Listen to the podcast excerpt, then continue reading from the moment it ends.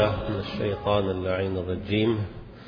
بسم الله الرحمن الرحيم. وأفضل الصلاة وأتم السلام على أشرف الخلق وسيد المرسلين محمد المصطفى وآله الطيبين الطاهرين.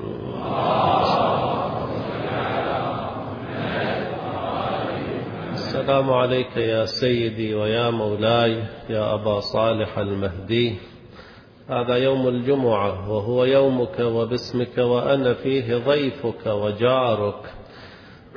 فأضفني وأجرني فإنك تحب الضيافة والإجارة. السلام عليكم إخواني أخواتي جميعا ورحمة الله وبركاته. الحديث هذه الأيام يناسب أن يكون حول صاحبنا وولي أمرنا. خاتم الأوصياء طاووس أهل الجنة سيف الله الذي لا ينبو ونوره الذي لا يخبو صاحب الأمر والزمان الحجة ابن الحسن المهدي روحي وأرواح العالمين إلى الابتداء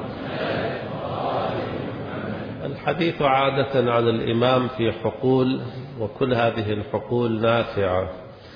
ولكن نريد أن نعلم ما هو الذي ينبغي أن نكون عليه في هذه الأيام في عصر الغيبة.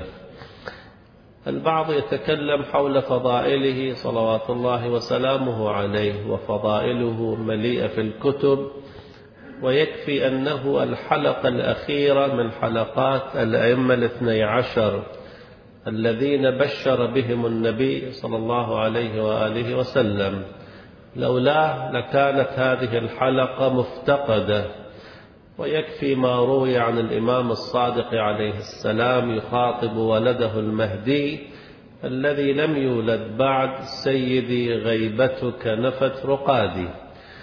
وتارة الحديث عن علائم ظهوره متى يظهر ما هي الأشراط نحن في أي عصر العصر عصر الظهور أو ما قبل الظهور وما شابه من أبحاث. والبعض يسأل ويبحث عن الذين تشرفوا بلقائه في زمان الغيبة أعم من الذين تشرفوا بلقائه شخصيا أو تشرف بلقاء من هو متشرف بلقائه أي أعوانه وأنصاره الخاصين وهناك أبحاث في هذا المجال هل يصح أصل الأمر؟ وإن صح أصل الأمر من هم الصادقون؟ وما علامة صدقهم؟ وغير ذلك من الأبحاث. إذا بحث في الفضائل بحث في علامات الظهور بحث في المتشرفين هذه أبحاث. حتى نعلم البحث الرابع لا أقوله الآن أنتم ستحدثون ما أريد أن أقول. من خلال الأمثال تتبين المعاني الكبيرة رب العالمين نوره الذي لا يمكن أن يدرك أن يوصف مع ذلك جعله كمشكاة فيها مصباح مثل نوره. الأمثال تقرب. تصور أنك دعوت عزيزا عليك. مرجعا من مراجع التقليد وليا من أولياء الله الصالحين دعوته إلى بيتك وهو في الطريق سيأتي من بلد آخر. هناك كم علاقة مع هذا الضيف العزيز؟ البعض يجلس في مكتبته ليبحث عن هذه الشخصية من هو؟ ما أخلاقه؟ ما فضائله؟ ما قيل عنه؟ وهو جالس يبحث وإذا بالباب يطرق جاءه الضيف وهو لا زال مشغول بفضائله. لم يقدم طعاما ولم يفرش له فراشا ولم يستعد للقائه بزي يناسب الضيف العزيز. ماذا تقول عن هذا الإنسان؟ تقول أنه منتظر غير واقعي صحيح هو ما نام ولكنه انشغل بفضائل الضيف انشغل بفضائل الضيف عن الضيف عن إكرامه. هذا أولا. البعض ينتظر الضيف لا زال الحديث في المثال المثال إن شاء الله يبقى في أذهاننا. هو لا يقرأ فضائله. يقول ما هي علائم الطائر التي تقله؟ ما لون هذه الطائرة؟ بعد كم ساعة سيهبط في مطار البلد. هل الآن هو قريب من المنزل أم لا؟ أيضا يفاجأ الضيف يأتيه وهو يبحث عن علامات قدومه. ماذا تقول عن هذا الإنسان؟ ثالثا هو جالس في المنزل لا يقدم خطوة للأمام ويبحث عن من رأى هذا الضيف في بلاده الذين تشرفوا بلقائه. والذين تحدثوا عنه والمرضى الذين زارهم وغير ذلك. أيضا يفاجئه الضيف وهو على مكتبته. إذا أعزائي المطلوب ماذا؟ هذه هذا كله مطلوب. من منعك أن تعلم فضائل الضيف؟ من منعك, من منعك أن تعلم متى ستصل طائرته؟ من منعك أن تعلم الذين تشرفوا بلقائه؟ ولكن قم وهيئ له مقدمات الضيافة. جهز الطعام جهز الفراش واجلس على باب الدار وعينك على الطريق. هذا هو المطلوب أخيرا. نحن مع الأسف في زمان الغيبة شأننا شأن صاحب المنزل هذا. البعض ينكر وجود الضيف يقول هذا الضيف لم يولد بعد لا كلام لنا معه. والبعض يبحث عن طول عمر هذا الضيف وأنه كيف يعيش أبحاث نظرية في هذا المجال. والبعض يعلم الضيف بحث عنه ازداد شوقا إليه. اتفاقا كلما بحث عن فضائله زاد شوقه. كلما علم أنه قرب من المنزل زاد شوقه. عندما يعلم أن الغير استفاد من وجوده زاد شوقه ولكن ينطلق يتحرك ليعد له العدة إذا إخواني أخواتي في زمان الغيبة هذا هو المطلوب من أحدنا أن يكون على مستوى ظهوره. البعض حقيقة يقول أنا أدعو بالفرج ولكن قلبي يقول لا أريد الفرج. إذا جاء الإمام يطلب النصر منك والنصرة فيها قتال والقتال فيها ما تعلمون من شهداء وجرحى وغيره. هل نحن على مستوى هذا التأييد وهذه النصرة؟ أعتقد أن الكثيرين إذا ظهر الإمام يقولون بلسان حالهم ليتك لم تظهر.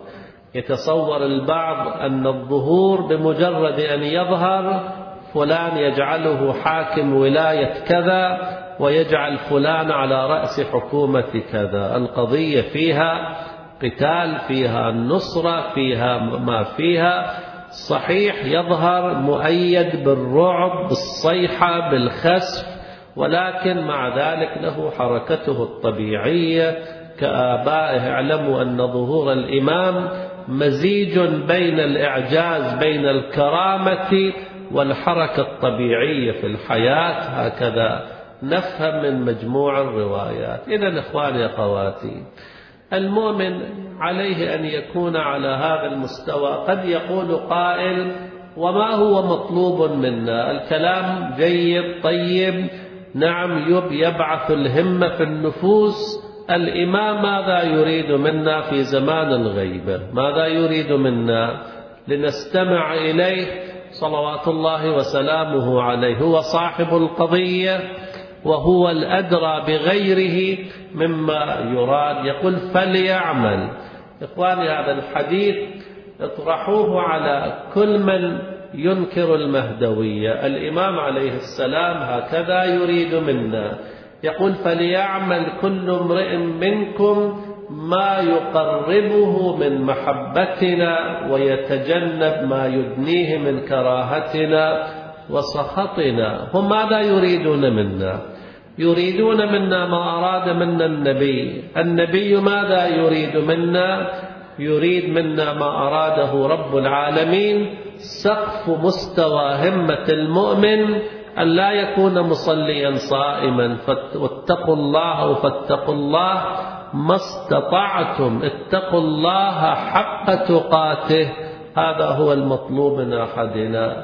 أن تعمل بما عليك بما أمرك رب العالمين. أن تجتنب النواهي. طالما قلنا المؤمن همته أولا. أن يخرج من المعاصي إلى الطاعات. المرحلة الثانية أن يكون عادلا. الفرق بين الأول والثاني أن الأول أعمال متقطعة لا رصيد له في الباطن. العادل هو الذي له ملكة العدالة. نعم لا يتكلف الطاعات تكلفا ولا يترك المعاصي تكلفا.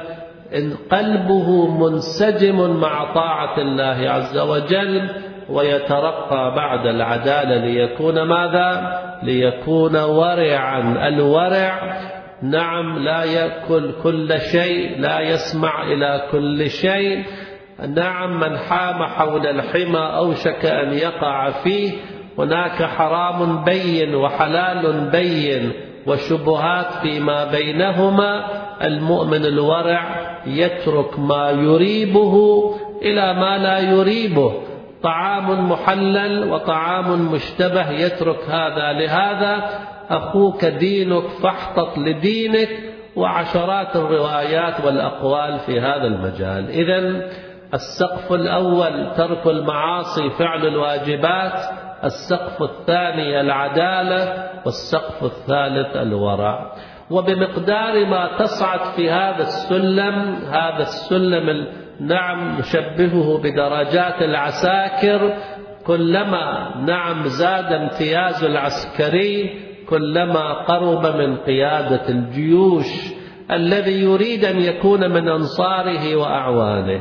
ومن المقربين إليه فليرفع من درجاته العسكرية إن صح التعبير ليكون على مستوى نصرته. وأخيرا لا أقول أخيرا في هذه المرحلة أخيرا إخواني حاول أن تكون على مستوى رعاية وليك. في كلمة منسوبة له صلوات الله وسلامه عليه هذه العبارة معروفة عن فإن فإنا نحيط علما بأنبائكم ولا يعزب عنا شيء من أخباركم. المؤمن في زمان الغيبة إخواني أخواتي يصل إلى درجة يكون تحت رعايته لا رعايته لأصحابه الذين هم من أنصاره اللصيقين به. يرعاه من بعيد ما المانع؟ رب العالمين كما يربي عباده نعم ولي الأمر على يده تجري هذه الرعاية. ولهذا البعض نعم سبحان الله شاب يبعثه أبوه إلى بلاد الغرب إلى بلاد الفتنة إلى بلاد الشهوات وكأن هناك يد تدير هذا الشاب. يريد أن يهم بالمعصية. أولا تقول الرواية عرفت الله بنقض العزائم وفسخ الهمم. فسخ الهمم في أي شيء. قد يهم الإنسان بالمعصية ولكن رب العالمين يتدخل في فؤاده. وهذا مأخوذ من القرآن الكريم. واعلموا أن الله يحول بين المرء وقلبه. القلب جهاز الأمر في البدن. القلب يأمره بشيء ولكنه لا يمتثل أوامر قلبه. من الذي حال بينك وبين ذلك؟ عرفت الله بنقض العزائم وفسخ الهمم. صلوات الله وسلامه عليه. نريد في ختام الحديث أن في بعض فقرات دعاء زمان الغيبة المؤمن في يوم الجمعة له علاقة متميزة مع إمامه. إن أمكن أن يفتتح نهاره ببعض فقرات دعاء الندبة يا لها يا له من دعاء. حقيقة المؤمن إذا وصل لهذه الفقرات ورق قلبه أنا أقول مستحيل على أصول الكرم أن يهمل هكذا إنسان. يقول بالصدق لا يقرأ قراءة كما يقرأ الصحف. عندما يصل لهذه الفقرة ويقول عزيز علي أن أرى الخلق ولا ترى. ولا ينالك مني ضجيج ولا شكوى. يعني يا مولاي مللت الخلق. يا مولاي إلى كم أرى العباد المتعارفين. أنا أريد أن أرى ولي أمري. عندما يذهب للحج للعمرة يطوف حول البيت في موسم الحج يقول يا رب إلى متى أنظر إلى هذا المحرم وهذا المحرم؟ أنا أريد أن أرى أمير الحاج في زماني. عندما يكون في منى يبيت في منى ينظر إلى هذه الخيام المتشابهة يقول يا رب قلبي يهفو إلى صاحب تلك الخيمة النوراء يذهب إلى عرفة كذلك قلبه مع ولي أمره. يقول عزيز علي أن أرى الخلق ولا ترى. بنفسي أنت من مغيب لم يخل منا. بنفسي أنت أمنية شائق يتمنى من مؤمن ومؤمنة. هنيئا لزوجين في صبيحة يوم الجمعة وقد يكونا حديثي عهد بالزواج ينطبق عليهما هذه الفقرة. نعم أنت أمنية شائق يتمنى من مؤمن ومؤمنة ذكر فحنا بالله عليك لو أن زوجين في هذه الحالة في بكائهما على ولي أمرهما سألوا رب العالمين يا رب هب لنا من ينصر وليك رب العالمين يخيب ظنهما هل من جزوع فأساعد جزعه إذا خلا هل قضيت عين أخواني هذه العبارات عبارات إنسان ملهوف إنسان أم ثكلى مات ولدها لتوه. أم داود ماذا كان حالها؟ لولا حرقة قلبها هل ذهبت للإمام الصادق عليه السلام وعلمها دعاء أم داود الذي بقي إلى يوم يبقى إلى يوم القيامة في منتصف شهر رجب؟ نحن على مائدة هذه الأم المفجوعة. فقدت ولدها أي حبس ولدها وكان له ما له يوسف لم يمت ولده يوسف. يعقوب لم يمت ولده يوسف ابيضت عيناه من الحزن. نعم المؤمن له ما له إلى متى أحار فيك؟ إلى أن يقول بصدق ووفاء. أنا إخواني أقولها من هذا المكان الشريف وأنتم تسمعون لهذا الحديث في هذا اليوم المبارك. الإنسان إذا حقيقة توجه إلى إمام زمانه قائلا هل إليك؟ يا ابن أحمد سبيل فتلقى ليقطع أن الإمام يمسح بيده على رأسه.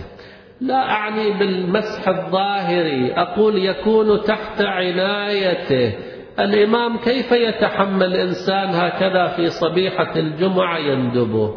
وخاصة إذا وصل تلك الفقرة المعروفة ومزج دمعة الولاية بدمعة الشهادة عندما يقول أين الطالب بذحول الأنبياء وأبناء الأنبياء إلى أن يقول أين الطالب بدم المقتول بكربلاء؟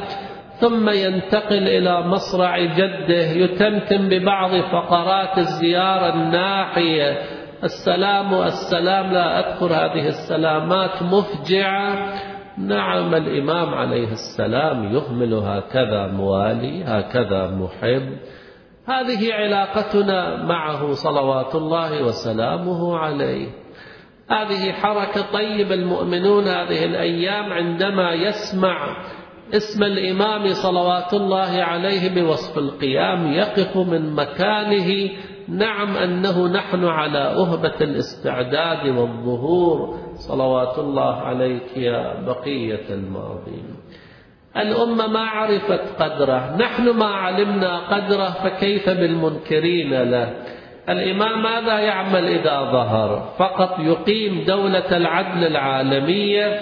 يقول اللهم وأحي بوليك القرآن وأرنا نوره سرمدا لا ليل فيه. أهم هموم إمام زماننا صلوات الله عليه أن يقيم القرآن أن يحيي العباد والبلاد أن يرجع الإسلام كما نزل على جده المصطفى محمد صلى الله عليه وسلم. وأحي به القلوب الميتة القلوب ماتت في زمان الغيبة وأنتم تعرفون كلما تقدمت الحياة تقدمت الحضارة والمدنية وتقدمت معها صور الفساد والإفساد نحن لا نعلم ما حال قلوب المسلمين والمؤمنين بعد عشرات السنين. انظروا هذه الأيام يمس الشاب مؤمنا ويمسي فاسقا. لا نعلم هذه الحضارة ماذا ستجلب لنا من صور الفساد البديعة. إذا القلوب تموت في زمان الغيبة يأتي الإمام ليحيي هذه القلوب الميتة واجمع به الأهواء المختلفة على الحق. اليوم لا تكاد مع الأسف نذهب إلى بلاد الغرب مثلا إلى مدينة صغيرة وهذا وقع ليس بمثال. مدينة صغيرة في زاوية من زوايا بلاد الغرب. هناك مركز إسلامي مسجد وما شابه ذلك. يرتاده عشر عشرين وإذا هم عشرين رأي عشرون رأي وطالما يتفق أن يستعين بعضهم على بعض بتهم وأباطيل. أهواء مختلفة في عالمنا اليوم ترون اختلاف الأهواء والأحزاب والتوجهات. نعم يأتي الإمام صلوات الله وسلامه عليه ليجمع الأهواء المختلفة. على ماذا؟ على مزاجه على رأيه يقول في هذا الدعاء دعاء زمان الغيبة ما أقوله لكم مأخوذ من دعاء زمان الغيبة عليكم بهذا الدعاء العظيم. يقول واجمع به الأهواء المختلفة على الحق الحق هو الذي أحق أن يتبع. وبعد ذلك نحن ماذا نعمل؟ الإمام صلوات الله وسلامه عليه من كلماته أنه يتأسى معنى كلامه بجدته فاطمة صلوات الله عليها. ونحن نتأسى به في أي شيء. ختامه مسك أواخر الحديث. نريد أن نأخذ بقرار أن نخرج بقرار. كما يقال عزم من عزمات الملوك. نغير بها وجه حياتنا. شهر شعبان شهر الأمة شهر النبي صلى الله عليه وآله. ومن بعده شهر الإمام نحاول في منتصف شهر شعبان أن نجدد العهد والولاء لهذا الوجود لهذا الوجود الطاهر في الزيارة. نقول فإنه نخاطب رب العالمين اتفاقا زيارات أهل البيت تارة خطاب للمعصوم كزيارة أمين الله وتارة خطاب مع رب العالمين. تارة تكلم المعصوم أذن الله السامعة وتارة تكلم رب العالمين أسمع السامعين. في الزيارة في دعاء زمان الغيبة نقول فإنه عبدك الذي استخلصته لنفسك هناك خمس أو ست مقامات الإمام الحجة عليه السلام كلها من الممكن أن تتأسى به. لا بنفس الدرجة ولكن درجة شبيهة. تخلقوا بأخلاق الله عز وجل فكيف بأخلاقه هو صلوات الله وسلامه عليه. انظروا إلى إلى علو همة المؤمن تأسيا بإمام زمانه. فإنه عبدك الذي استخلصته لنفسك. يعني حاول بما أوتيت من جهد أن تطلب من رب العالمين أن يستخلصك لنفسه. ومن قبل استخلص موسى صلوات الله وسلامه عليه. الآن كيف له حديث آخر؟ وارتضيته لنصر دينك. الإسلام بدأ غريبا وسيعود غريبا فطوبى للغرباء. سل الله عز وجل أن تكون ناصرا لدينه. ليس لك علم لك مال انصر الدين بمالك. ليس لك علم وليس لك مال لك ذرية. رب أولادك على محبة الله ورسوله وإمام زمانهم. لعل البعض يطلب من الله أن يكون من أنصار وليه. حفيده الخامس يدرك الظهور. يقول يا رب يوم القيامة يقال أنت ربيت ولدك. وابنك ربى حفيدك حفيدك ربى حفيدك. هذا الحفيد من بركاتك أنت فتكتب في ديوان الناصرين لولي أمره. وارتضيته لنصر دينك ثانيا وثالثا واصطفيته بعلمك رابعا عصمته من الذنوب وبرأته من العيوب. معنى يحول بين المرء وقلبه. وخامسا وأطلعته على الغيوب المؤمن كجهاز النقال هذه الأيام. هذا الجهاز بلا شريحة لا يعمل. هذا الجهاز مع شريحة وبلا رصيد لا يعمل. مع شريحة ورصيد ولكن الجهاز عاطل لا يستقبل الموجات.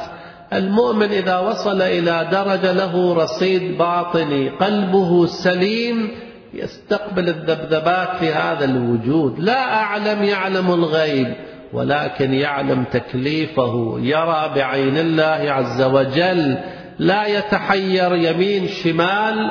أمرنا إذا وقعنا في حيرة شاور المؤمن الذي جهازه يتلقى الذبذبات إن صح التعبير. اتقوا فراسة المؤمن. فإنه ينظر بنور الله بعين الله. النقال يلتقط التلفاز يلتقط هذا التقاط قوي وهذا ضعيف. المؤمن يلتقط هذا المعنى الحديث مفصل في هذا المجال. أرواحهم معلقة بالملأ الأعلى وأطلعته على الغيوب. هنا لا منافاة بين علم الله بالغيب وبين علم وليه بالغيب. ذاك علم أصيل وهذا علم مفاض وهذا لا ينافي انحصار العلم برب العالمين. صلوات الله عليه. سيخرج في هذا اليوم في ختام الحديث. نريد أن نتكلم معه سيدي يا أبا صالح المهدي. متى ترينا طلعتك الرشيدة وغرتك الحميدة؟ متى يأتي ذلك اليوم الذي تستند فيه إلى جدار البيت؟ يا له من يوم يا له من يوم. عيون المؤمنين طوال التأريخ تنتظر هذه الفرصة الذهبية. الأنبياء ينتظرون هذه الفرصة. يستند إلى جدار البيت يظهر ولكن في قلبه حرقة. نريد هذا اليوم أن نتودد إليه بهذه الكلمات في قلبه حرقة أي حرقة. تلك الحرقة التي يشير إليها لأندبنك صباحا ومساء. ولأبكين عليك بدل الدموع دما. ينادي يا أهل لا يا أهل العالم. هذه دمعة الشوق عادة هذه الفقرات تقرأ في أيام محرم. ولكن أريد في أيام ميلاده أن أقرأ لنقول يا مولاي بحق هذه الدموع تكفلنا بحسن كفالتك. يقول ألا يا أهل العالم إن جدي الحسين قتلوه عطشانا. بأي ذنب قتلتم جدي الحسين؟ ألم يكن سبط النبي المجتبى؟ أليس هو صاحب فقرات دعاء عرفة؟ هذا الثغر الذي نطق بدعاء عرف إلهي ماذا وجد من فقدك؟ هذا حقه أن يضرب بخيزران في ذلك المجلس. ألا يا أهل العالم إن جدي الحسين قتلوه عطشانا. يوم كان النبي صلى الله عليه وآله وسلم يلتم ذلك الثغر. كان يقبله يوم على صدر جده المصطفى ويوم على وجه الثرى. هذه المصيبة لا تنسى. لهذا في كل عيد نبكي ونقول أين الطالب بدم المقتول بكربلاء؟ ألا يا أهل العالم إن جدي الحسين طرحوه عريانا سحقوه عدوانا نعم يخرج ليطلب ثأر جده الحسين صلوات الله وسلامه عليه. يكفي هذا المقدار من استدرار الدمع أيام فرح وسرور. أقول يا مولاي أبا صالح المهدي بتلك الدماء المراقة في أرض كربلاء بتلك العائلة المسبية بين كربلاء والشام ننشدك اليوم بحق عمتك زينب الكبرى وهي عزيزة على قلبك. أن تنظر إلينا نظرة كريمة. طالت ليالي الانتظار فهل يا ابن الزكي لليل الانتظار غدو أدرك بطلعتك الغر لنا مقلا. يا سيدي ويا مولاي طال الانتظار. والشمت بنا الفجار وصعب علينا الانتظار. نشكو إليك فقد نبينا نشكو غيبتك كثرة عدونا قلة عددنا شدة الفتن بنا تظاهر الزمان علينا.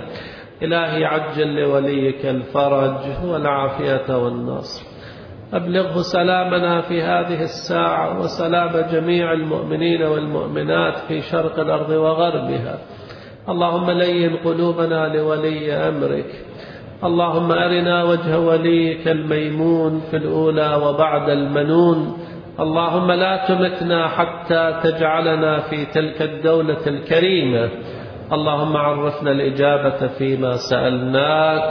وإلى أرواح المؤمنين والمؤمنات. الفاتحة مع الصلاة.